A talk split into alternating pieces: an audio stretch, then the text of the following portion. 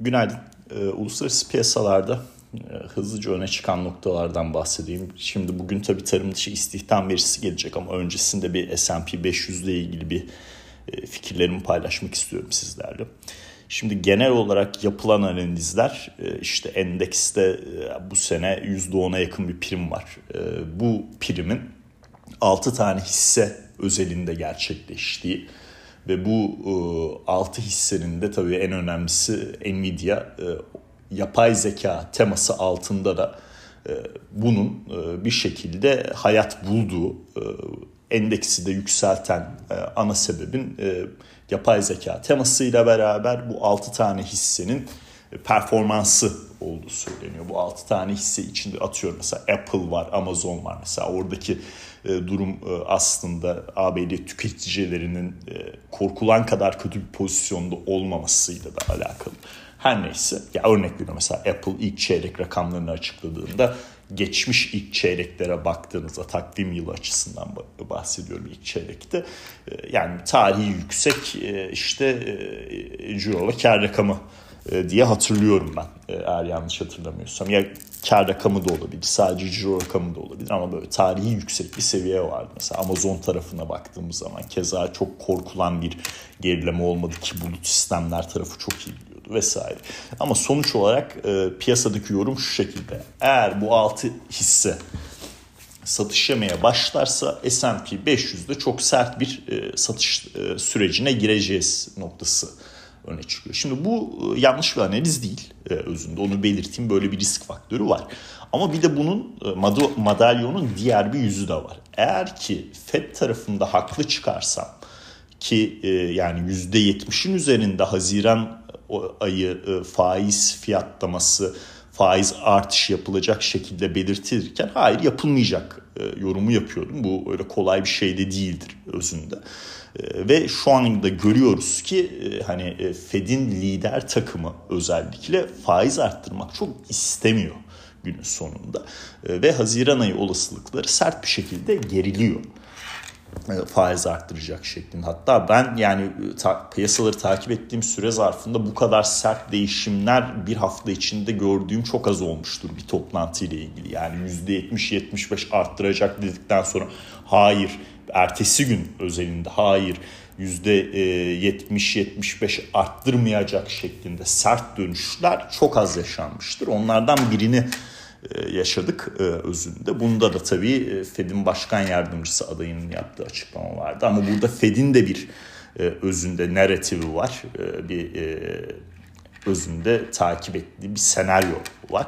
Her ne kadar veri bazlı ilerlese de özünde bazı noktalar kırılıyor yani ne demek istiyorum kırılı, kırılıyor derken 40 senenin en sert e, faiz artışı döngüsü işte 3-4 tane bankayı e, ne hale getirdi? Kredi standartlarında soru işaretleri var. Likidite kısmı şimdiye kadar yardımcıydı. Burada onu da biraz açıklayayım. E, yani hazine ani özel yöntemlerle yükümlülüklerini yerine getirirken kendi nakit hesabını kullanıyordu. Nakit hesap işte çok ciddi bir gerileme gösterdi. Bu nakit piyasaya girmiş oldu. Ama şimdi borç tavanı vesaire bu problemler hayatımızdan çıktı. İki sene boyunca ABD e, iflas edecek mi diye konuşmayacağız. Zaten bunu konuşmamız da ayrı bir saçmalıktı. Her neyse e, günün sonunda e, hazine nakit hesabını yükseltmeye başlayacak tahvil ihraçlarıyla beraber.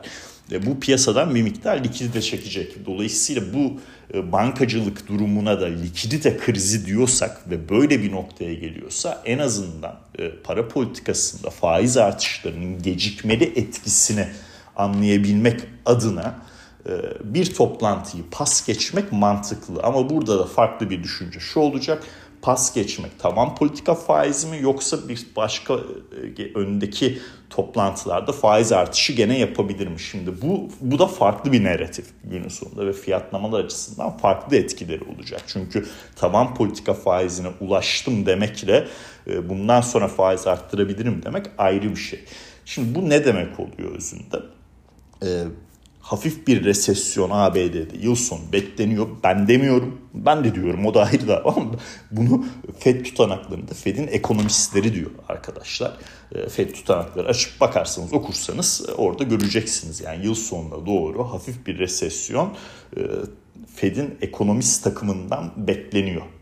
Fed'in üyeleri var, çalışanları var, işte para politikası kurulu üyeleri var, e, farklı farklı tarafta çalışanlar var. O da ekonomistler bunu öyle görüyor. Şimdi demek ki Fed bunu e, en azından liderlik takımı bunu ağır bir resesyona da çevirmek istemiyor olabilir. Ekstradan faiz artışlarıyla beraber. Bu durumda e, ne oluyor? Haziran ayında yapmamak daha mantıklı bir tercih oluyor. Şimdi tabii bu böyle düşündüğümüz zaman o zaman şu soru e, otomatikman doğmuş oluyor. Peki e, yani resesyon büyüme korkuları nedeniyle e, alım yaşamayan veya hatta satış yaşayan sektörler S&P 500'ün içinde bu düşünce yapısında e, bir alım dalgasıyla karşılaşmaz mı? Şimdi bu, bu da önemli bir soru ve eğer ki o 6 tane şirketten sonra genele yayılan bir alım dalgasıyla karşılaşırsak o zaman S&P çökecek diyenlerin savunduğu taraf tutmayacak bir pozisyona geliyor. Yani 6 tane şirket liderlik etti, endeksi taşıdı ama ondan sonra FED nedenli genele yayılan bir alım dalgasıyla karşılaşıyoruz. Bu önemli bir e, nokta. Bu bunun gerçekleştiği e, durumda ben açıkçası finansal hizmetler, en, en, e, ham madde sektörü ve endüstriyellerden olumlu bir e, fiyatlama beklerim. Şimdi e, S&P 500'de işte kaçıncı defa diyorum S&P 500 onu da bilmiyorum bu podcast'ta ama yani en iyi sektör açık ara teknoloji değil mi? Yani işte altında yarı iletkenler var vesaire vesaire. %30'un üzerinde prim yaptığı bir ortamda bunlar daha da gidecek denilebilir. Doğru. Ama şu anda hani teknolojiden ben bu sene iyi para kazandım. Bir risk faktörü var. Kazandığımı korumam lazım. Sermayeyi korumam lazım düşüncesinde. Fed'i de eğer doğru okuyabildiğimizi düşünüyorsanız burada biraz daha böyle finansallarda ve ham maddelerde bulunmak sanki mantıklı bir karar gibi geliyor bana. Ama bu şey değil e, net olarak bundan sonra onlar liderlik edecek demek değil. Kısa bir süreçte bir ay, bir buçuk ay, iki ay belki buralarda pozisyonlanmak daha mantıklı olur. Burada da 23 hisselik listemizde işte JP Morgan, American Express ve Charles Schwab e, var. Onlara bakabilirsiniz bu üç. Ee, Haziran ayı değişikliğinde Freeport Suda e, işte bakır ve gümüş tarafında önemli bir isim. Onu da eklemeyi düşünüyorum e, listeye. Ee, bakır'da da toparlanma var bir miktar. Çin tarafında işte e, özel sektör e, PMI verisi, imalat PMI verisiyle beraber e, tepki alımları geliyor. Orada 200 günlük ortalamaya doğru gidiyoruz. Onun üzerine onu test edeceğimizi ben düşünüyorum. İşte 3.79 3.80 bandında. Onun da üzerine çıkarsak eğer Freeport daha da iyi performans gösterir. Ee, onu e, özetleyeyim. Ee, yani S&P 500 ve sektörel dağılımla ilgili düşüneceğim bu. Diğer bir nokta bu yapay zeka teması burada sağlam bir satış gelecek mi yoksa biz bir prim yaptık biraz daha yatay mı gideceğiz yoksa alımlar devam mı edecek noktasında.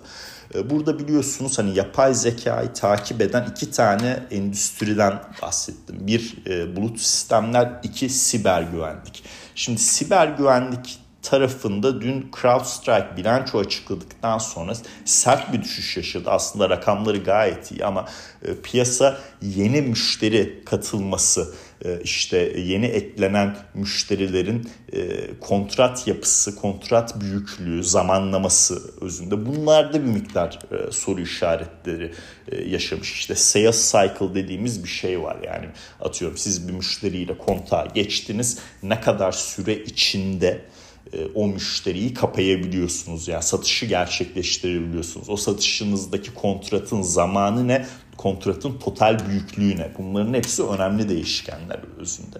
Hatta teknoloji şirketlerinde annual recurring revenue diye bir tabiri vardır. E, buna da e, boş bir zamanınızda incelemenizi tavsiye ederim. Yani annual recurring revenue işte net dollar retention, sales cycle bunların hepsi önemli metriklerdir arkadaşlar. Orada biraz daha bu yeni katılanlarla ilgili yapı beğenilmemiş ve sert bir satış yedi ama ondan sonra e, seans içi alımların geldiğini gördük. Hisse tekrar işte 155'in üzerinde bir noktadaydı en son e, ben e, uykuya dalmadan önce diyelim. E, dolayısıyla öyle bir e, fiyatlama gördük. E, Salesforce tarafı işte bulut sistemler gene yapay zeka da var. O da dün satış yedi. %5'lik bir satış yedi. Hatta Dow Jones'un e, bir miktar e, diğer endekslere göre negatif ayrışmasının sebebi de oydu. Ama orada da e, yani aslında kar tarafı odak noktası olarak daha iyi bir tablo çiziliyor vesaire ama bir miktar gene ciro büyümesiyle ilgili herhalde bir soru işaretleri yaşadılar ama gene de böyle çok ciddi büyük bir satış yemedi. şeye baktığım zaman dün gece bakamadım tabii bu sabah baktığım zaman Broadcom, Avgo özünde gene yapay zeka tarafında önemli bir isim. Orada bilanço sonrası bir miktar yükseliş ondan sonra satış gördük ama oradaki satış da böyle çok ciddiydi. Demek ki bu yapay zeka tarafında piyasa biraz daha soluklanacak ama çok ciddi satış dalgasına geçmeyecek gibi ben anlıyorum şu noktada. Dolayısıyla hani buradan tekrardan o tarafları zorlamaktansa hani uzun vadede çok pozitifim işte 12 hisselik liste yayınladım vesaire her neyse ama e, hani günlük ya, paylaşıyoruz ya bu podcastleri. Hani o noktada biraz daha sanki finansallarda, ham maddelerde kalmak, ham bu sektörlerde kalmak daha mantıklı bir tercih gibime geliyor açıkçası e, bu aralar. E, bunu da dedikten sonra çok kısa diğer e, varlık fiyatlamalarına dair yorumlarımı belirteyim. Euro dolarda yükseliyoruz.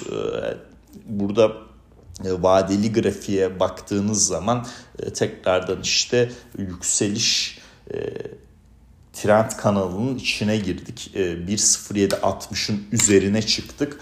Burada artık 1.07 1.08.45 seviyesini e, takip ediyorum. FED toplantısına kadar oranın test edilebileceğini düşünüyorum. Tabii bugünkü tarım dışı istihdam verisi de e, önemli olacak. Dün euro dolarla ilgilen 3 tane veri özelinde işte Avrupa enflasyonu ama burada bir düşüş var. Evet güzel. E, normalde bunun euro negatif etkilemesini beklersiniz ama dönüp e, işte e, Lagarde'ın piyasaya verdiği sinyaller versus e, FED Başkan Yardımcısı adayının kongrede onaylanacak onun piyasaya verdiği sinyallere baktığımızda hani forward guidance açısından Euro'ya pozitif bir etki yaratıyor. Daha da önemlisi doları negatif etkiliyor.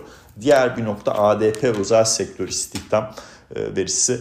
E, yani e, bu ADP olayını daha önceden defalarca açıkladım. Son bir kez daha söyleyeyim. ADP bir şirket arkadaşlar. Özel sektör denmesinin nedeni o şirketin yaptığı anketten gelen bir sonuç bu. Özünde istihdam rakamı. Dolayısıyla yani şey olarak düşünmeyin. ADP'ye işte hükümet eklendiği zaman tarım dışı istihdama çıkıyor falan. Bu yanlış bir denklem. O bir şirketin ayrı yaptığı bir işte bu ay e, bu ay istihdam e, rakamı ABD'de ne oldu sorusuna cevap özünde. Çok da ünlü bir şirket borsada borsaya da kote e, işte muhasebesel birçok ürünü var vesaire. Çoğu şirkette kullanıyor yani iyi bir veri seti toparlayabiliyor üstünde. Neyse burada beklentilerin oldukça üzerinde manşet rakam görsek de görsek de hemen böyle gaza gelip işte FED Haziran'da şöyle 25 artış yapacak böyle o işte çok doğru değil. Niye? Detaylara baktığımız zaman küçük ve orta ölçekli şirketlerden istihdam artışı geliyor. Yani büyük şirketlere baktığınız zaman 106 bin işten çıkarma var. Bu da mı yetmedi arkadaşım? Tamam. İş değiştirenlerin aldığı zam oranlarına bakalım. Yani çünkü niye? Biz e, bir diğer veri bu hafta açık iş pozisyonları verisinde gene manşet çok iyi. Çok inanılmaz yoğun işler var. İşte 10 milyonun üzerinde pozisyon var. İşsiz biri 1 nokta, bir işsiz 1.8'e yakın e, iş bulabilir şeklinde. Tamam peki peki. Ama şöyle bir durum da var. İflas şey iflas diyorum ya nereden çıktı? E, istifa, istifa etme e, oranı geriliyor. Yani niye geriliyor peki? Ağırlıklı beyaz yakadan gelen bir durum var. Yani artık teknoloji, finansal hizmetler, danışmanlık sektörü vesaire bunlara baktığınız zaman beyaz yaka çalışanlar pozisyonlara biraz daha sarılmış durumda. O kadar rahat hareket etmiyor. Bunun bir göstergesi de ne? İstifa edip yeni işe geçtiğinizde aldığınız zam miktarı oransal olarak 2021 Ekim ayından beri en düşük rakam. Bu da maaş bazlı enflasyon verileri, maaş bazlı enflasyon risklerini etkileyen bir durum. Ee, diğer bir nokta ISM imalat verisi. Gene manşet e, yani diyeceksiniz ki işte 47 bekleniyordu 46.9 açıklandı her neyse. Manşetten düşük olduğu için doları sattılar. Yanlış bir şey. Eğer böyle bir durumdan satsalardı endeksleri de satarlar. Dün, dün net olarak 4200 üzeri bir kapanış gördük S&P'de yani Nasdaq tarafı uçtu resmen. Ee, her neyse Peki ne e, bu dolar kısmını etkiledi? E, fiyatlar alt kaleminin sert bir gerileme yaşaması etkiledi. Yani bu üç veride de yani üç veride de kasıt e, e, Avrupa'nın Mayıs ayı enflasyon verisinin bir benzeri Amerika'da da, da trend açısından yaşanabilir mi? Detaylarda yaşanmayacak ama trend açısından yaşanabilir mi? E, bu e, öne çıktı. E, 13 Haziran'da alacağımız veriden ve geri kalan iki veriye baktığımızda Haziran ayı ile ilgili faiz artışı yapılmayabilir noktasını öne çıkardığı için dolar satış yedi. Aynı nedenden dolayı altın yükseldi. Bugün de tarım dışı istihdam verisine geldik. Şimdi arkadaşlar tarım dışı istihdam verisinden manşet rakamının ne geleceğini bilmiyorum. Piyasada bilenin olduğunu da düşünmüyorum. Şimdi mantıken şöyle bir analiz yapmanız lazım. Sizin haftalık işsizlik başvurularını 4 haftalık ortalamasını alıp işte veri tarım dışı istihdam verisinin toplandığı zaman dilimine bakıyor olmanız lazım. Birincisi bu. Orada nasıl bir süreçteyiz? İkincisi e, işte ADP verisi açıklandı. Onunla ilişkisi nasıl? Ona bakmamız lazım. Üçüncüsü ISM verilerinde daha hizmetleri almadık ama imalatta alt kalem olan e, istihdam tarafı nasıl ona bakmamız lazım. Şimdi bunlara baktığım zaman mantıken manşet rakamın çok kötü açıklanmaması lazım. Belki sürpriz çok iyi de açıklanabilir. Belki bir sürpriz çok kötü de açıklanabilir ama mantıken kötü bir rakam almamamız lazım. Ama bunlar artık e, yani tahmin edilmesi gerçekten çok zor veriler. Yani normalde de öyleydi ama pandemi dönemi sonrası o regresyonlar falan o kadar bozuldu ki ya bunları tahmin edebilmek gerçekten çok zor. Yani bir örnek e, açık iş pozisyonları verisi bu hafta aldığımızda en üst tahmin Bloomberg'e tahmin girenlerin en üstünün bile çok üstünde bir veriyle karşılaştık. Dolayısıyla manşette ne geldiğinden çok detaylarda ne olacağı bence daha önemli olacak ve burada da maaş bazlı enflasyon riskleri e, öne çıkacak.